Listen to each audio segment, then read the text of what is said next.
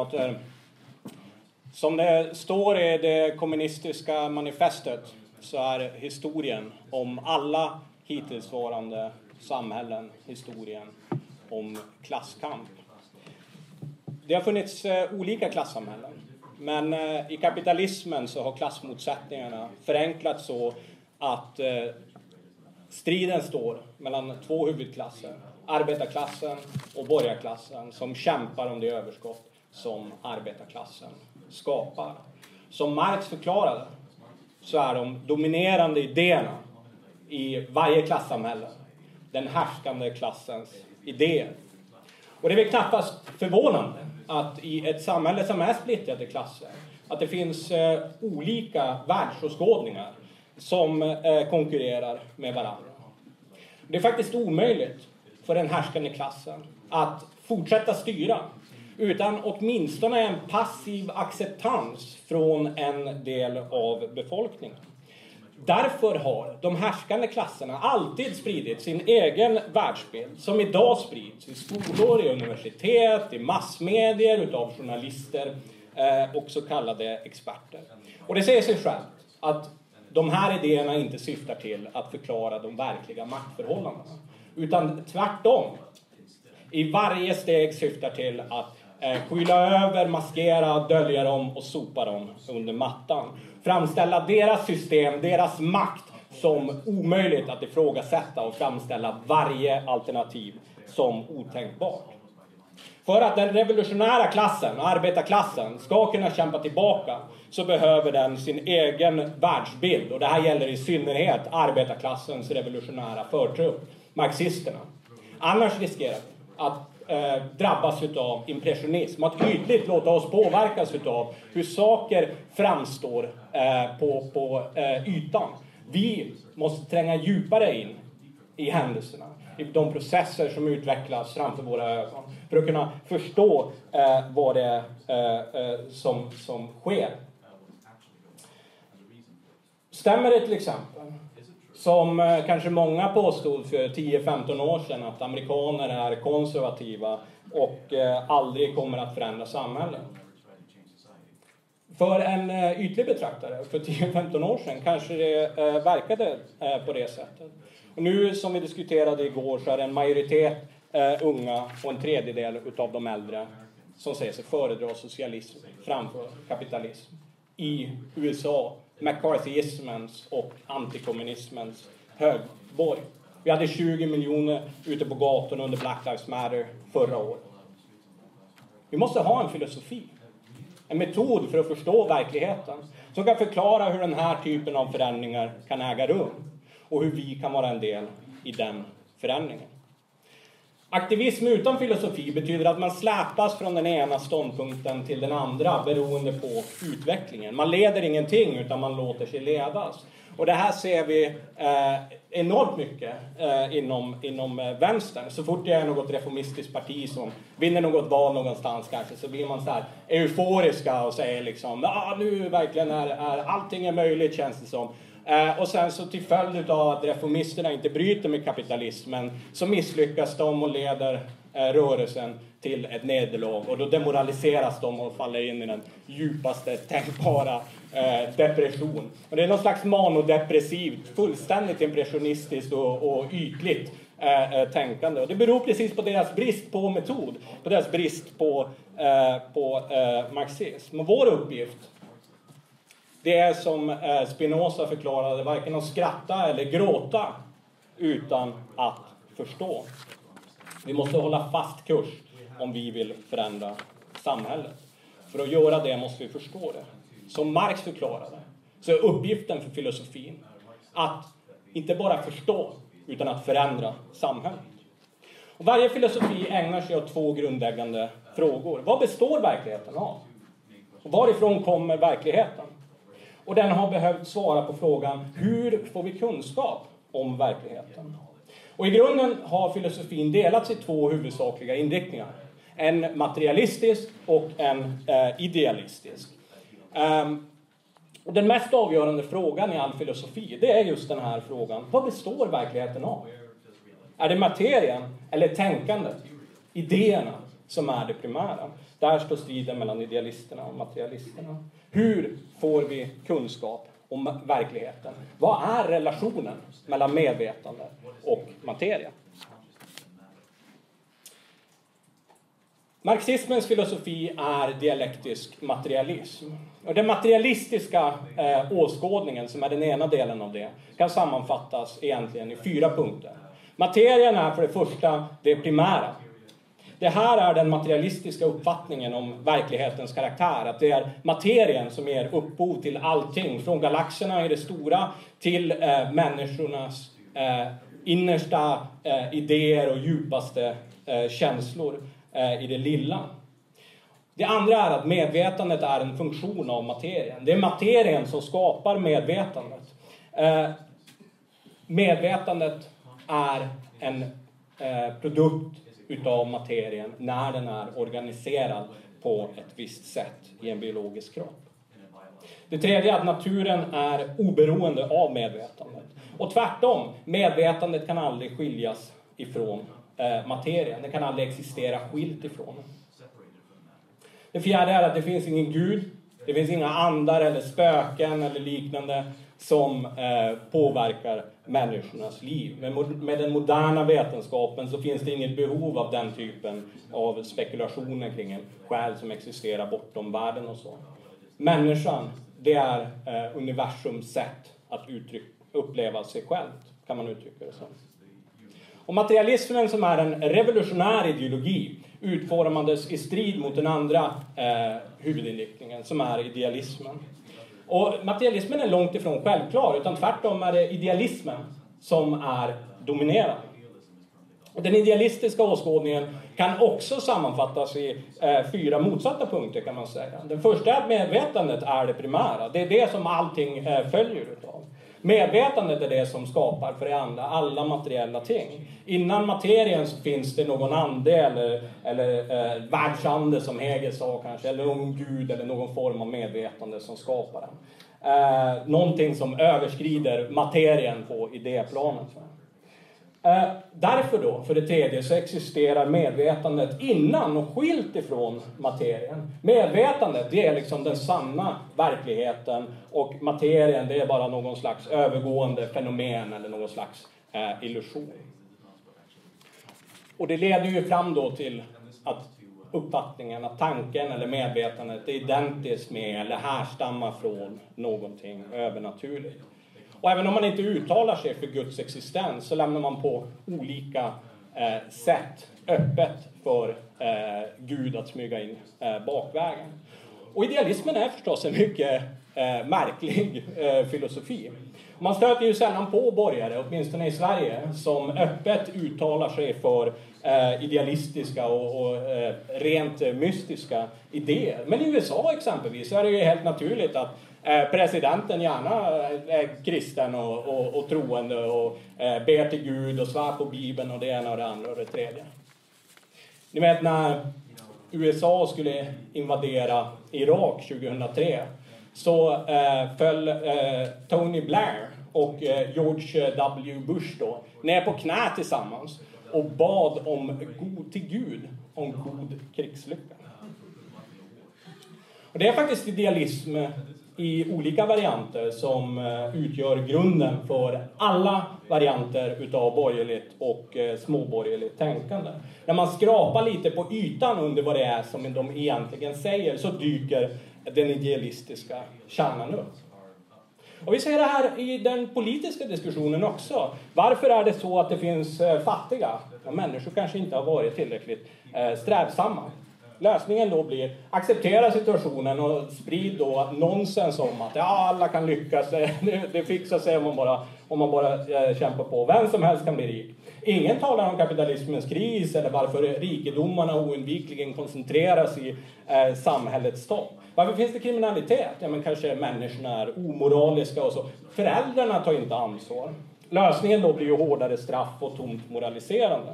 Men man frågar sig inte vad det är för samhälle som skapar kriminalitet. Varför finns det arbetslösa? Vi kanske måste sänka arbetslöshetsersättningen för människor är alldeles för lata och vill inte arbeta överhuvudtaget. så att folk ska bli mer arbetsvilliga då, som man säger. Men problemet är ju exakt att det inte finns några jobb att eh, söka. På punkt efter punkt så får vi de mest ihåliga och tomma tänkbara förklaringarna på samhällets problem. Och återigen, det här är den borgerliga ideologin som inte syftar till att förklara hur samhället fungerar, utan exakt om att försvara kapitalismens och borgarklassens nakna profitintressen. Klassamhället försöker, och har alltid försökt, att dölja sin egen historia. Som Marx förklarade, de härskande idéerna är de härskande klassens idéer. Men deras idéer och intressen är Eh, minoritetens. Och frågan är, varifrån kommer då de här idealistiska idéerna dessutom? Jo, vi ser det att det, det, det är idéer som har sitt ursprung i klassamhället själv. I att det finns den här uppdelningen mellan manuellt och intellektuellt eh, arbete. Och den finns ju kvar till denna dag. Jag hoppas att alla kamrater har läst Till marxismens försvar. Eh, det senaste magasinet finns det en utmärkt artikel om eh, klassamhällets eh, ursprung. Som förklarar hur när klassamhället uppstod så bestod det i att runt templet så frigjorde sig en typ av präster eller prästerskap som hade fritid ifrån manuellt arbete. Och i och med att de hade fritid så kunde de ägna sig åt att eh, utveckla tänkandet och idéerna. Det var ett steg framåt naturligtvis för mänskligheten. Men till eh, denna dag så har den här uppdelningen eh, bestått. Och det säger sig självt att om, om man är en universitetsprofessor, sitter på ett universitet, arbetar med att skriva artiklar för andra akademiker som ingen människa orkar läsa för de är så långrandiga. Men Andra akademiker råkar ju tydligen läsa dem. Eh, då kanske man får för sig att ja, kanske idéerna, idéerna det verkar vara det viktiga ändå. Eh, det följer utav den position som de har eh, i samhället. Filosoferna och prästerna inom det, de är extremt frånkopplade ifrån eh, samhället. Och det är det som är förklaringen till att de ser saker på det här väldigt abstrakta sättet. Istället för att förklara hur idéerna hänger samman med och utvecklas ur världen, så börjar de med på förhand uttänkta idéer och begrepp som de inte kan förklara var de kommer ifrån. Antingen så får man då liksom, ja, det, på något mystiskt sätt så existerar de som man säger a priori, alltså på förhand. Eh, eller så kommer de från himlen eller har på något sätt eh, mystiskt implanterats i Eh, våra hjärnor från början. Och det kanske var lite mer förståeligt för 2000 år sedan när antropologin och vetenskapen inte hade kommit särskilt långt. När eh, Platon skrev att det fanns eh, perfekta cirklar som existerade eh, på idéplanet innan vi föddes. Innan vi kunde börja, innan vi såg några cirklar i verkligheten. Eh, så, så, som bara är imperfekta återspeglingar av idén om en perfekt cirkel som finns Eh, på, på, på förhand. Det var hans uppfattning. Men innan människor fanns där för att titta på eh, universum så fanns det naturligtvis eh, cirklar. Och månen var rund, solen var rund, stubbar var runda. Det fanns en massa saker som i princip antog formen av en cirkel. Men det var ju precis när människan började arbeta och upptäckte att om man ska transportera saker långa sträckor då kan man bygga någonting som heter en vagn. En vagn behöver hjul och ett lämpligt hjul är ju då eh, cirkulärt. Det är liksom ingen fyrkantigt hjul kommer man inte särskilt långt med. Det är arbetet och det är det att vi behövde kommunicera de här idéerna eh, till, till varandra som gav upphov till idén om en cirkel. Den är en återspegling utav verkligheten. Och den här processen utav liksom ett, att gradvis utöka människans förståelse äger till stora delar rum bakom ryggen på samhället och omedvetet. Utan att egentligen någon planerar eller har förutsett det har den processen ägt rum. Och I det här samhället så har vi ju också en kris för kapitalismen. Och det är ett annat bra exempel på en process som äger rum eh, omedvetet utan att någon har bestämt att nu ska vi köra en kris. Utan att eh, någon egentligen, förutom marxisterna, kan förklara varför det blir en kris. Borgarna har ingen aning egentligen. Eh, och, och, försöker desperat ta till olika åtgärder för att skjuta den på framtiden eller för att, för att minska de värsta effekterna utav den. Eh, och så vidare. Och ingen vill ha krisen egentligen. Men ändå händer det. Och eh, då dyker det upp eh, idealistiska förklaringar. Girighet är det som gav upphov till krisen. Vi behöver en eh, bättre idé här. Lite mindre girighet kanske, då kan det inte hända. Men krisen är ju skapad utav människan. Ingen vet bara hur eller varför det sker. Ingen planerar den, ingen vill ha den och så vidare. Och det här är ju en stor paradox i kapitalismen.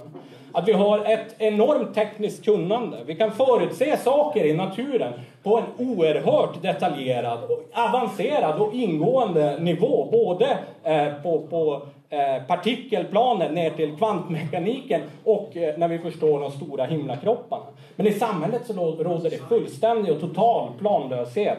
Eh, ingen kan förutse kriserna, ingen kan stoppa dem.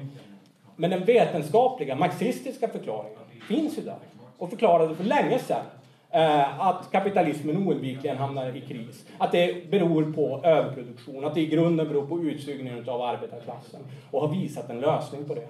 Men lösningen är ju revolutionär. Lösningen är ju att kapitalismen som system eh, avskaffas därför att det inte fungerar.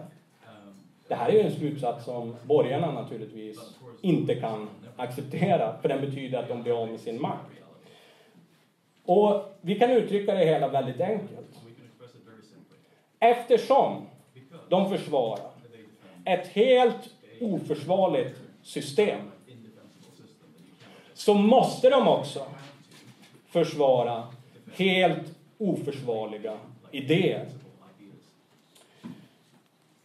Och de två huvudlägren inom filosofin kan man säga, det är materialism och idealism.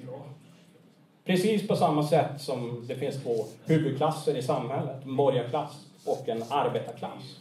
Det betyder ju inte att det kan finnas andra uppfattningar inom filosofin som ligger på alla möjliga punkter mellan de här två eh, huvudsakliga motpolerna. Då. Men alla de olika varianterna utav filosofi kan bara förstås med hänvisning till begreppen, eller med utgångspunkt i begreppen idealism och eh, materialism.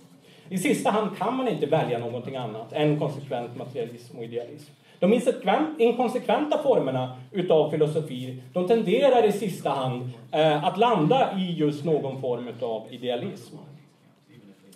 Ett exempel på det, eh, det är eh, Immanuel Kant då, som hade en, eh, en, en variant, då, en sån här mellanform kan man säga. Han utgick för det första med att det finns ett ting i sig, pratade han om. Och det var någonting som egentligen ligger, existerar oberoende då utav människans medvetande. Och i det så var han ju överens med materialismen då.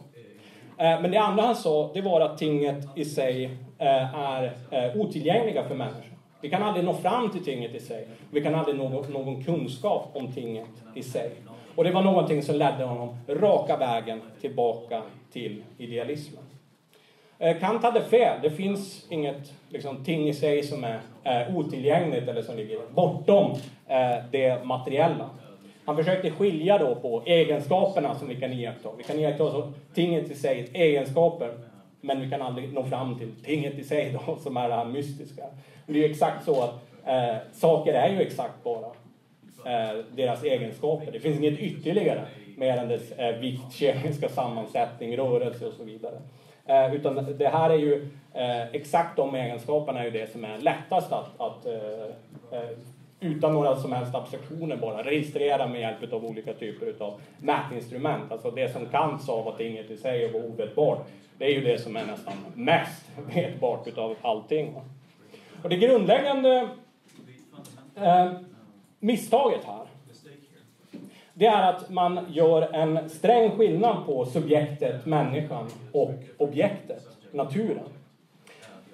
Som materialister så förstår vi att medvetandet det är en funktion av hjärnan. Där det finns elektrokemiska processer som pågår mellan eh, kroppens nervbanor och hjärnans synapser. Där en impuls från omvärlden skickar en signal till hjärnan.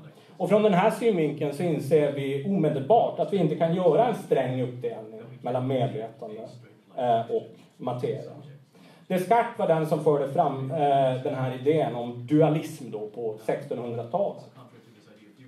Problemet med det, det är att om det finns en uppdelning mellan själen och materien, eller medvetande och materia, hur kan de då interagera med eh, varandra? Och det här så kallade kunskapsproblemet då, det är egentligen någonting som bara dyker upp om man säger att medvetandet eller själen då är någonting som är skilt ifrån kroppen och skilt ifrån den materiella världen och inte en funktion av den. Eh, för oss så är eh, medvetande och materia en eh, och oskiljbar del utav varandra. De förhåller sig dialektiskt till varandra. Det är en odelbar enhet. Det finns inte någon dualism där man kan skilja på subjektet människa, objektet natur. För idealisterna och dualisterna så är vår relation till omvärlden en betraktares relation. Vi sitter som i någon slags Eh, ja, här är jag i någon slags eh, biologisk kropp här. Men sen så finns det också någon slags eh, annan mystisk existens som är fången i den här biologiska kroppen och sitter och tittar ut genom de här små tittgluggarna och försöker upptäcka saker om eh, eh, verkligheten. Subjektet ska få kännedom om objektet. Men det är ju inte så att vi befinner oss bara i vår biologiska kropp. Vi är vår, vår, biologiska kropp. Vårt medvetande uppstår i vår biologiska kropp, i vår fysiska kropp och ingenting annat. Medvetande, det är ingen mur som skiljer oss ifrån eh, världen. Utan exakt en bro som, eh, som eh, förbinder oss med världen. Och Marx och Engels var de som löste den här frågan om relationen mellan medvetande och materia. De sa att människan måste bevisa sanningen i sitt tänkande genom praktiken. Eh, och att den här frågan om vi kan veta någonting om världen existerar utanför våra sinnen eller inte. Det är ett uttryck bara för en pedantisk eh, filosofi. Och om man bara försöker förstå tanke, kunskap och medvetande från sin kammare så kommer man inte komma någonstans. Det som Marx och Engels, det är en akademisk eh, fråga, fullständigt skolastisk fråga. Eh, och marxistisk filosofi är i grunden annorlunda från den tidigare filosofin.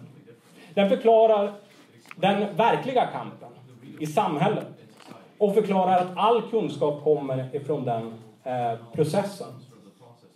Genom arbete, när jag ska pröva att bygga en bro. Jag vill gärna att det ska vara en eh, hållfast eh, bro och jag kan göra olika typer av matematiska modeller på min kammare som visar att eh, med just det här stålet och cementet och armeringsjärnet och så vidare så kan vi bygga en bra konstruktion som håller. Men det är ju först när du kör en eh, du vet, 12 ton tung lastbil över den här bron som du kommer se ifall dina teorier faktiskt var någonting att hänga i julgran. Eh, eller om det var så att det fanns brister. Det är i praktiken som vi kan pröva om våra idéer är eh, riktiga.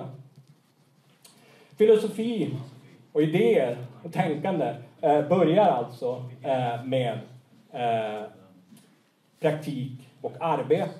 Och arbete börjar det med, därför att medvetande, om det är en del av en biologisk kropp, om det är en del, en funktion utav en biologisk hjärna som är tänkandets organ, så inser vi att Hjärnan behöver syre och energi för att eh, kunna eh, fungera. Vi behöver äta. Vi måste ge oss ut i naturen för att skaffa oss det som vi behöver för att överleva. Så tänkandets historia går inte att skilja ifrån eh, historien om kampen för vår överlevnad eh, och det arbete som följer med det. Vi har varit mer framgångsrika, människor när vi har eh, försökt föra vårt handlande mer i linje med naturkrafterna, med de lagar som styr verkligheten. Men eh, samtidigt så är ju det här inte någon eh, enkel och rak process. Där vi liksom först tänker ut på våran kammare som brobyggaren gjorde. Va? Utan det första man gör det är ju liksom att så brobyggandet tog ju sin utgångspunkt i att man la ut bara en spång kanske. Alltså man börjar ju inte med att bygga en enorm, eh, du vet, vad heter den här, Golden Gate-bron. Det är ju liksom inte där brobyggandet eh, tar sin början. Det har man ju gjort i lång tid innan det. Alltså vi kan inte tänka oss, och Hegel påpekar det. Hegel påpekar att det är fånigt att tänka sig att vi måste först utforma en perfekt idé innan vi kan leva våra liv. Det är som att säga att vi kan äta först när vi har förstått den kemi som det handlar om, eller hur? Eh, kroppen eh, bryter ner olika ämnen i matsäcken och sen tar upp det, eller i magsäcken och sen tar upp det och, och, och omvandlar det till energi som går att använda, så hur cellerna fungerar och så vidare. När vi äter först. Vi lever först våra liv och sen drar vi erfarenheter utifrån det. Vår livserfarenhet är det som ger upphov till våra idéer. Och det här leder oss fram till en viktig punkt. Medvetandet bestäms av omständigheterna och inte tvärtom. Som Marx sa, det är de, det samhälleliga erfarenheterna. Det är vårt samhälleliga liv som bestämmer i sista hand ramarna för våra tänkande och inte tvärtom. Så det vi är intresserade av som revolutionärer är naturligtvis hur ett eh, revolutionärt medvetande kan utformas. Jag kan komma med goda nyheter eh, på den punkten, nämligen att en kris för kapitalismen. När det är uppenbart att systemet inte längre kan utveckla samhället som det gjorde tidigare, att det inte har någonting kvar att erbjuda annat än nedskärningar, eh, försämringar, sänkta löner, otrygga anställningar, arbetslöshet, bostadsbrist och allting annat. Så kommer det oundvikligen att påverka människornas tänkande. Kanske till och med de som har varit väldigt entusiastiska inför kapitalismen tidigare eh, kommer att börja ta sig en funderare eh, kring vad är det här egentligen för system? Vad är det för verklighet som vi, som vi lever i? Så 90 procent utav eh, vårt jobb kommer att göras åt oss utav systemets eh, egen utveckling, utav systemets egen eh, kris. Och eh, det här är ju någonting då som eh, marxister ofta beskylls eh, för ifrån akademin. Nämligen att marxister, ni vill bara reducera allting till ekonomi. Men det säger sig självt att det här inte heller är någon mekanisk process. Det är inte så att bara för att liksom människor eh, får det sämre så kommer man automatiskt att dra liksom, revolutionära slutsatser. Man kan ju dra många, alla möjliga typer av förvirrade och eh, eh, felaktiga slutsatser på, på grundval utav detta. Eh, och exakt hur det här faller ut, det kommer ju att bero på en himla massa olika saker i samhället naturligtvis. Det kommer bero på eh, vilka partier som finns där, vilka politiska ledare som finns, eh, vilken duglighet de politiska ledarna har, vilka religioner och, och världsåskådningar som är liksom, har varit dominerande i, i, i eh, samhället i det ena eller det andra landet eh, och så vidare. Eh, och så vidare. Eh, men i sista hand bara i sista hand så kommer ekonomin att vara bestämmande. För det finns ingen ideologisk apparat eh, i världen som kan täcka över och dölja förhållandena eh, eh i, i all evighet. Um, så det betyder att på grundval av kapitalismens kris så eh, kommer folk att kämpa tillbaka. Det är precis det som vi ser eh, omkring oss. Det betyder inte att vi är, det är den andra anklagelsen som kommer mot marxister, att vi är fatalister. Vi tror att allting är förutbestämt eller att det finns någon slags eh, ödesmättat i liksom den socialistiska eh, revolutionen. Varför vill man ens bygga ett revolutionärt parti om kapitalismens kris oundvikligen leder fram till eh, socialismen? Och det här är ju ett fullständigt misstag. Det finns ingen sån mekanisk relation. Och det här beror på att de inte förstår den dialektiska logiken. Vi förklarar att på eh, kapitalistisk grundval så är nästa naturliga steg socialismen. Därför att där finns en arbetarklass. Det finns en arbetarklass som är de som skapar allting i samhället.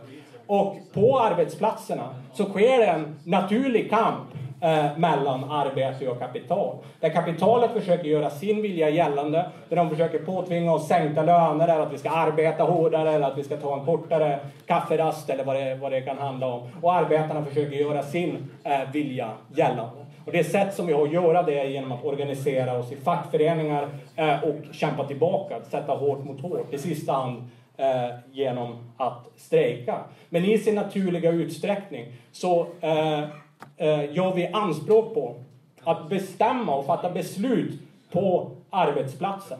Det leder naturligt fram till frågan om makten över ekonomin. Det leder naturligt fram till frågan om arbetardemokrati, som är de strukturer vi föredrar i våra fackföreningar och i arbetarrörelsen och så. Eh, men det kräver en socialistisk revolution för att förverkliga. Och det andra alternativet till den socialistiska revolutionen har alltid varit eh, mänsklighetens tillbakagång till barbari. Som Rosa Luxemburg sa, det är socialism eller barbari. Det är de två valen som mänskligheten står inför. Det är inte bara så att om arbetarklassen inte tar makten revolutionärt och störtar kapitalismen. Så, så, så vi ser redan exempel på eh, barbari idag. Vi ser det i imperialisternas interventioner, vi ser det i islamismens och terrorismens eh, härjningar. Eh, vi kan se det i, i eh, det brutala sätt på vilket man behandlar eh, protester i, i, olika länder, till att börja med i USA. Det är prov på barbari som redan existerar. Och om samhällets sönderfall tillåts fortsätta så kommer det absolut inte att bli bättre. Så det finns ett val här. Det finns inget ödesbestämt. Så det stämmer att de ekonomiska lagarna är helt grundläggande för hur samhället fungerar. Och det ger ju oss en eh, möjlighet då att eh, förstå eh, den process vi ser framför oss. På samma sätt så kan man ju, men det ger oss liksom ingen exakt kalender för revolutionen. Det ger oss ingen kristallkula eller liksom någon, någon magiska färdigheter. Va? På samma sätt som en seismolog kanske kan förstå eh, ungefär eh, var jordbävningar tenderar att äga rum. Alltså man vet att de uppstår i sprickorna mellan kontinentalplattor. När under en lång period så har en väldig press eh, eh byggts upp när de här eh, eh, eh pressar mot, skjuter mot varandra och det leder fram då till situationer där det uppstår jordbävningar. Vi vet var sprickorna i kontinentalplattorna befinner sig. Vi vet ungefär vilken typ utav förhållanden som leder fram till eh, jordbävningar. Men processerna pågår under ytan. Och det gör att det är eh, svårt att, att eh, förutse exakt när en jordbävning eh, äger rum. Men vi kan få, vi kan få förvarningar. Vi kan få för, förskalv och så vidare. Va? Och på samma sätt så är det med revolutionen. Vi kan se tecknen i samhället. Vi kan se så att säga hur den här väldiga tryckkokaren som är den krisande kapitalismen, temperaturen gradvis höjs. Missnöjet ökar. Vi kan se olika förskarv. Vi kan se skärmytslingar mellan eh, kapitalet och arbetarklassen.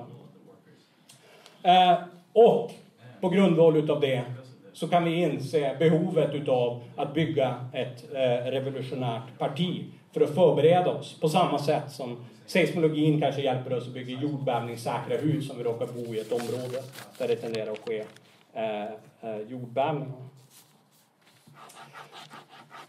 Så allt det här betyder ju inte då att eh, idealister inte har bidragit någonting till eh, filosofin. Genom årtusenden så har stora insikter faktiskt gjorts utav eh, just idealister. Hegel är det kanske bästa exemplet. Han var en objektiv eh, idealist som utvecklade dialektiken. Och dialektiken är ju då den andra och helt avgörande delen utav den marxistiska filosofin som beskriver precis hur förändringar äger rum som eh, eh, ser saker i sin förändring och inte statiskt som då den tidigare formella logiken eh, gjorde. Och eh, redan de gamla grekerna hade eh, de olika typer av dialektiska idéer om eh, utveckling genom motsatser, om vara och inte vara och så vidare. Men det var Hegel som tog de idéerna till sin eh, fullbordan.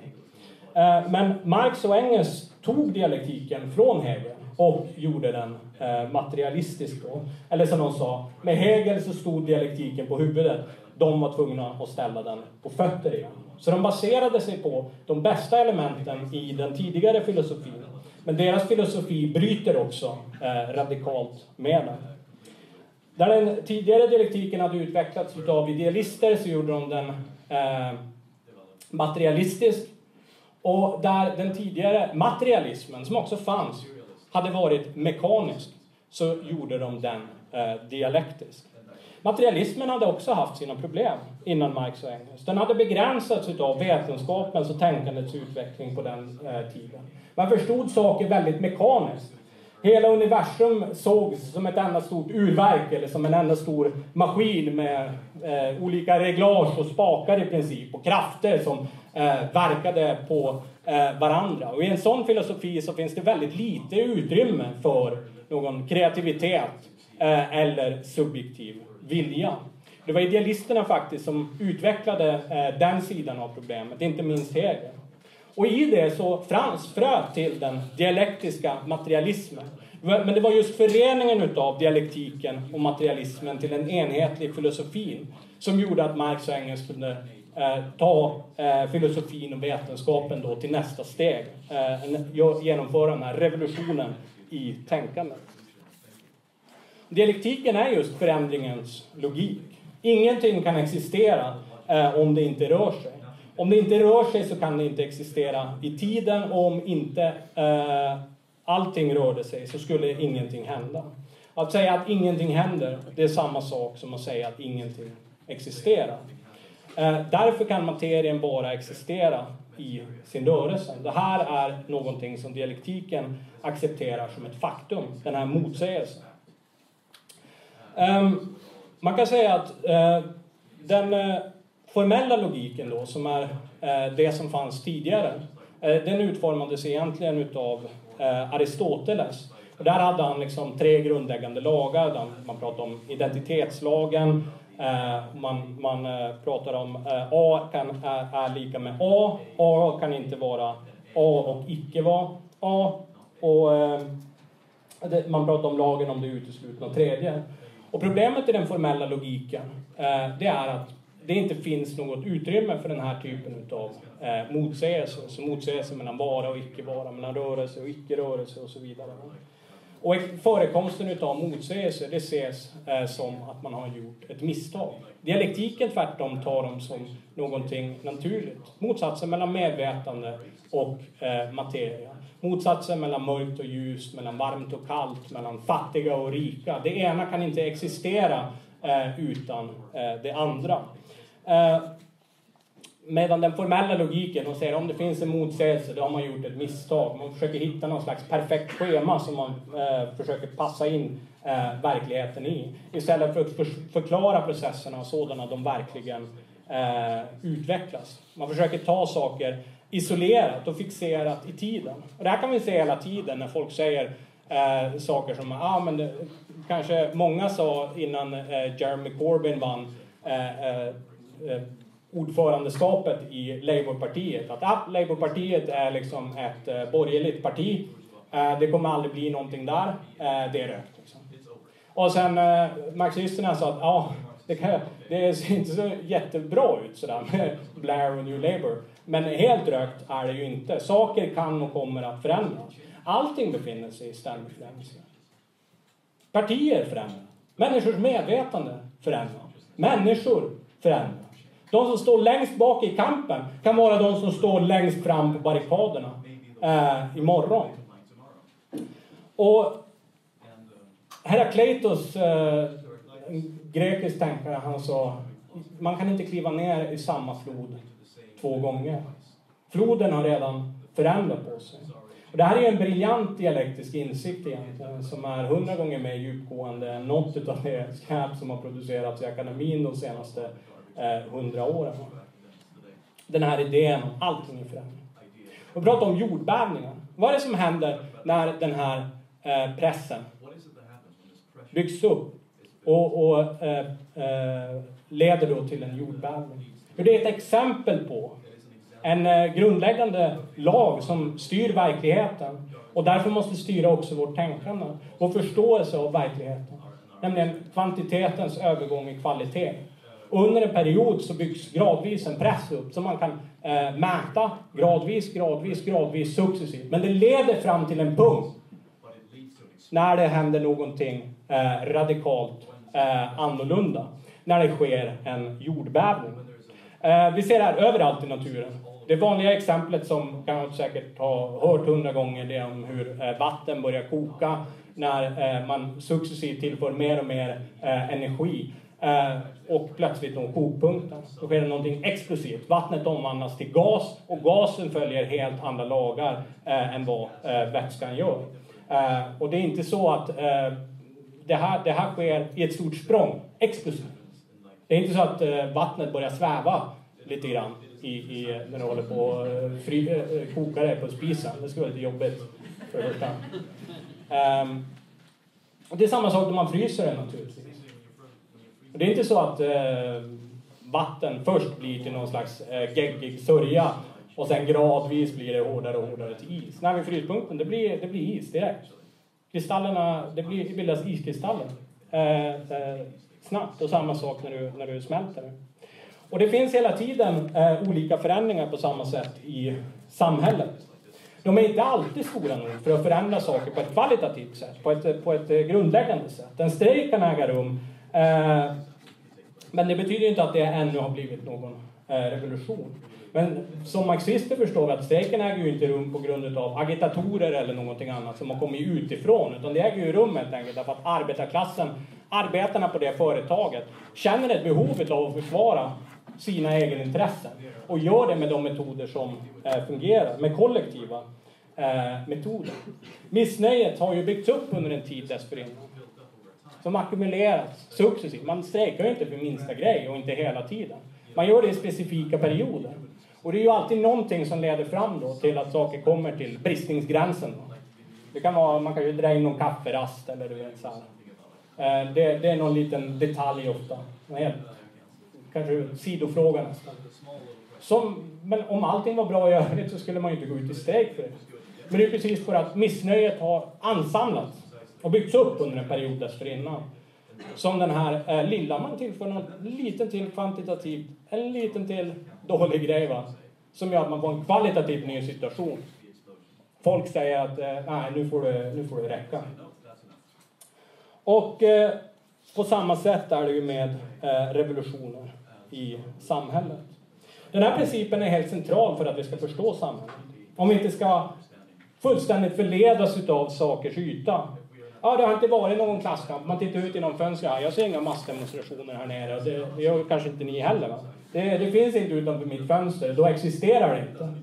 Det är ju en väldigt ytlig då, metod som leder en eh, fullständigt åt, åt eh, skogen. Och många då så kallade marxister som hävdar att de eh, ska förstå det här, de har ingen aning. Va? Allra minst eh, eh, vänsterreformisterna. Eh, men plötsligt så sker det här ändå. Och då kanske de tycker ah, allting har förändrats, allting är annorlunda nu. Så här. Vilken grej! Men marxisterna tycker kanske att ja, det är klart saker är annorlunda nu. Men allting har inte förändrats. Kvantiteten har övergått i kvalitet. Eh, det är det hela. Och vi kan förstå de här processerna på förhand. Vi kan förbereda oss för eh, den här typen utav utvecklingar med hjälp av den eh, dialektiska materialismen.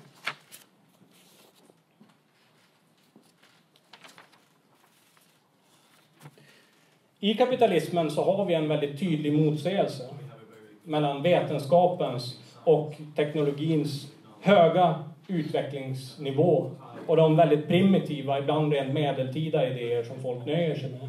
Och det räcker egentligen med att slå upp eh, Aftonbladet eller Expressen och så bläddrar man nästan längst bak. Eh, så så eh, hittar vi exempel på det här. Vet vet, vetenskapen tog sin första början med att man tittade upp mot stjärnorna. Eh, och eh, det här finns ju kvar idag eh, med astrologi. Känner ni till ert eget stjärntecken? Då kan man gå in och läsa då. Det finns exakt, som alla vet, 12 typer av människor. Punkt! Det, det är det hela. Och då är, ja, okej. Okay.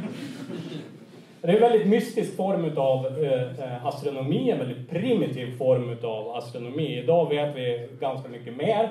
Till exempel så vet vi att eh, exakt, det är väldigt svårt att, att se med fysikens kända lagar hur positionen utav en stjärna många ljusår bort ska liksom kunna påverka mitt dagliga liv. Um, men det finns fortfarande de här resterna ifrån vår barbariska historia. I USA så har man eh, vetenskapsmän som arbetar på NASA och skickar folk till eh, månen och skickar robotar till Mars och använde extremt eh, avancerade uträkningar och fysik och så vidare för att kunna planera de här processerna. Och samtidigt så tror de på Gud. Um, och försöker liksom eh, gå till kyrkan på söndagar då för att rädda sin själ undan från spöken och eh, demoner som de föreställer sig existerar. Och i samhället, så i brist på en stark ledning eh, ifrån arbetarklassen eh, och arbetarrörelsen så får småborgerliga idéer och borgerliga idéer ett eh, naturligt genomslag.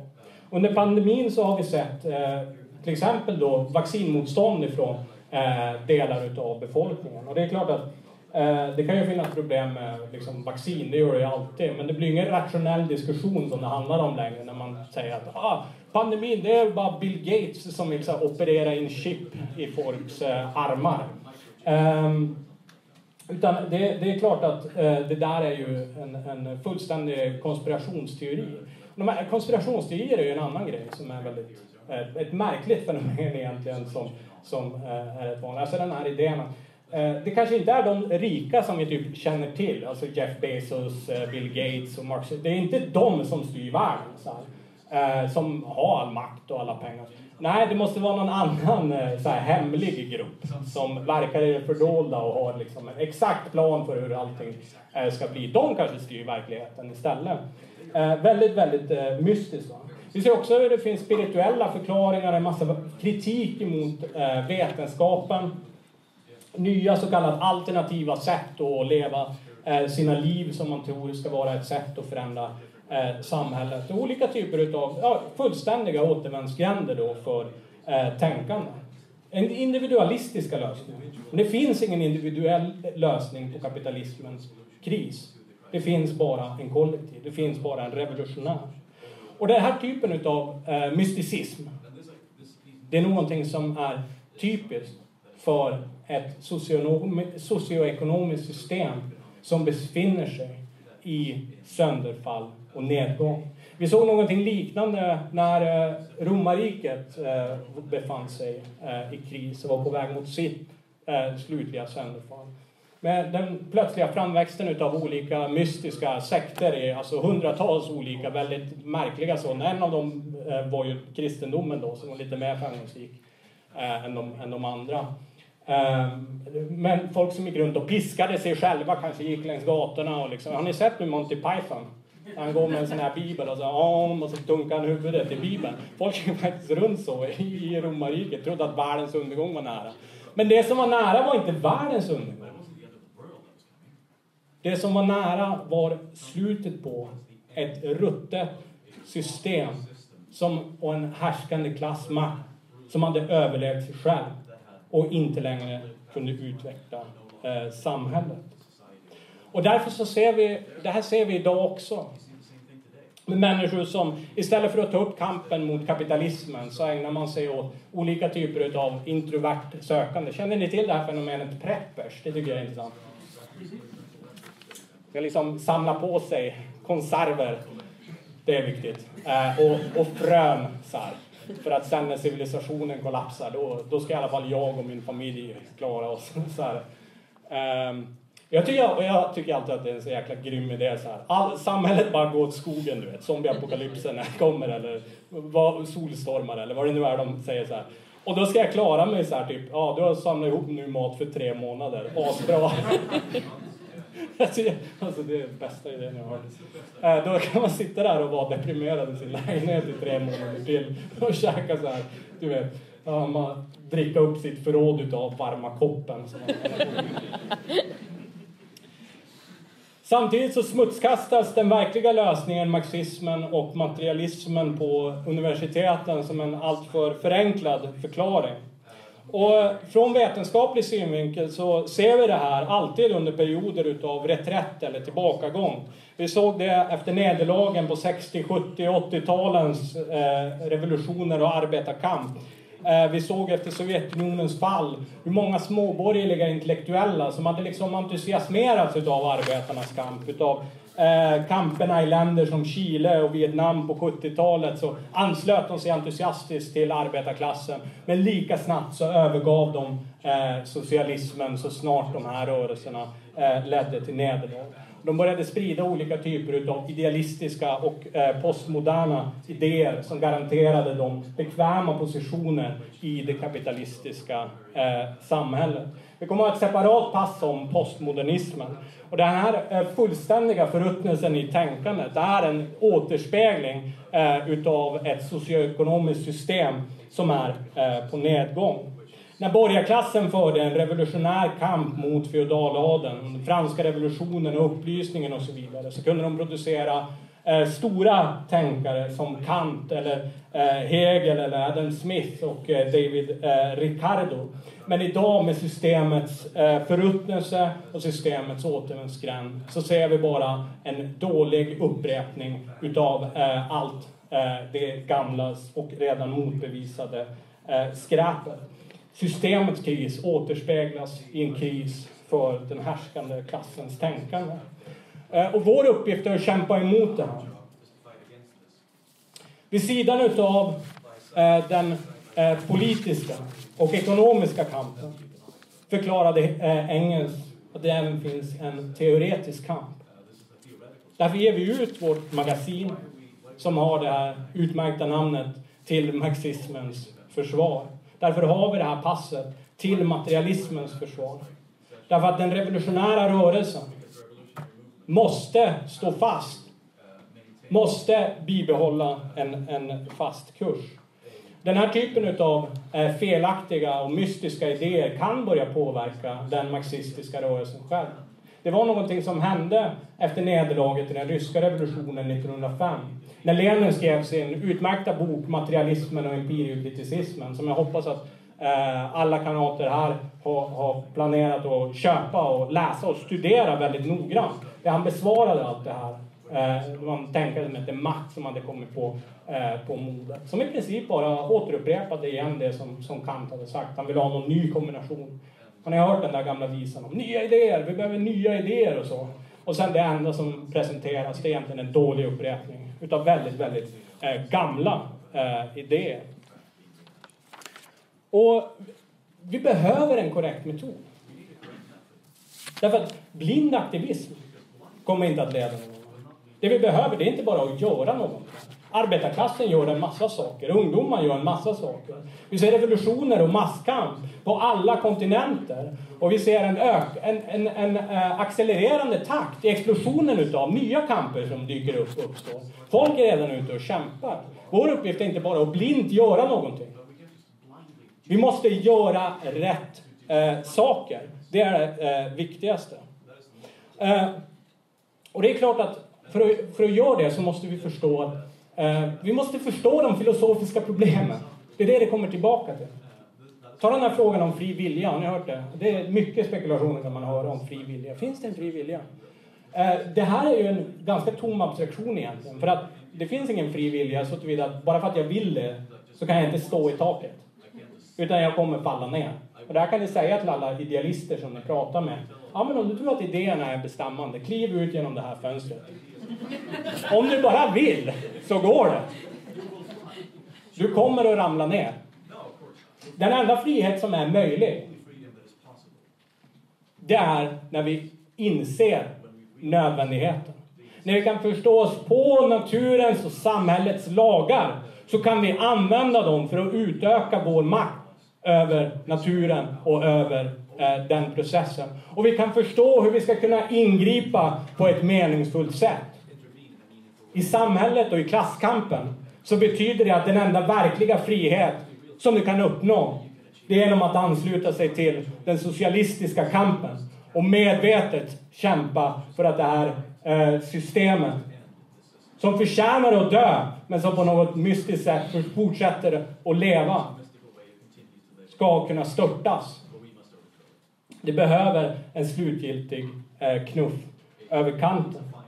Och Prövningen utav idéer, det är det som vi ser i kampen i länder som eh, Sudan, i Brasilien, i Egypten, i Grekland och så vidare. Det slutliga testet för varje stor idé är en revolution. Vi kan inte slåss för sanningen eller ett verkligt vetenskapligt tänkande ifrån en kammare. Det är inte någon fråga om någon rationell diskussion med de här irrationella damerna och herrarna som försvarar det oförsvarliga. Den här striden kan vi bara vinna på gator och torg, på arbetsplatser. Det är i produktionen och reproduktionen utav vårt livsuppehälle som avgörandet sker. Det är i kampen om det samhälleliga överskottet. Det är i klasskampen som sanningen i vårt tänkande kommer att bevisas. Alla vet att det händer. Alla ser att krisen bara kommer att bli värre och värre. Alla kan se hur miljöförstöringen fortsätter. Alla kan se hur kapitalismen är på väg att leda den mänskliga civilisationen och kulturen in i en fullständig återvändsgränd. Det beror på det kapitalistiska samhället. Och vi måste bekämpa de idéerna som finns där för att bevara och försvara det systemet. Eh, Socialismen handlar ju i sista hand om att övervinna den här barriären som finns mellan eh, vetenskapen och samhället.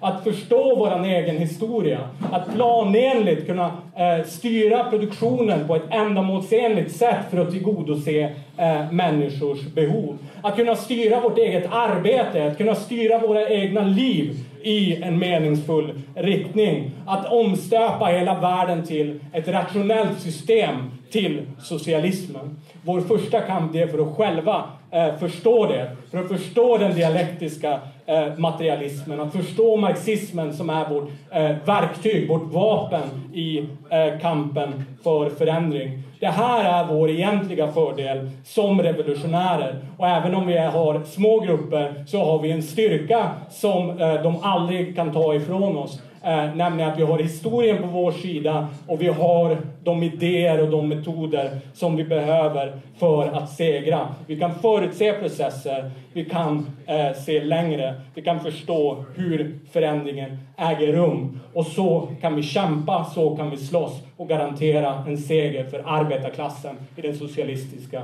revolutionen.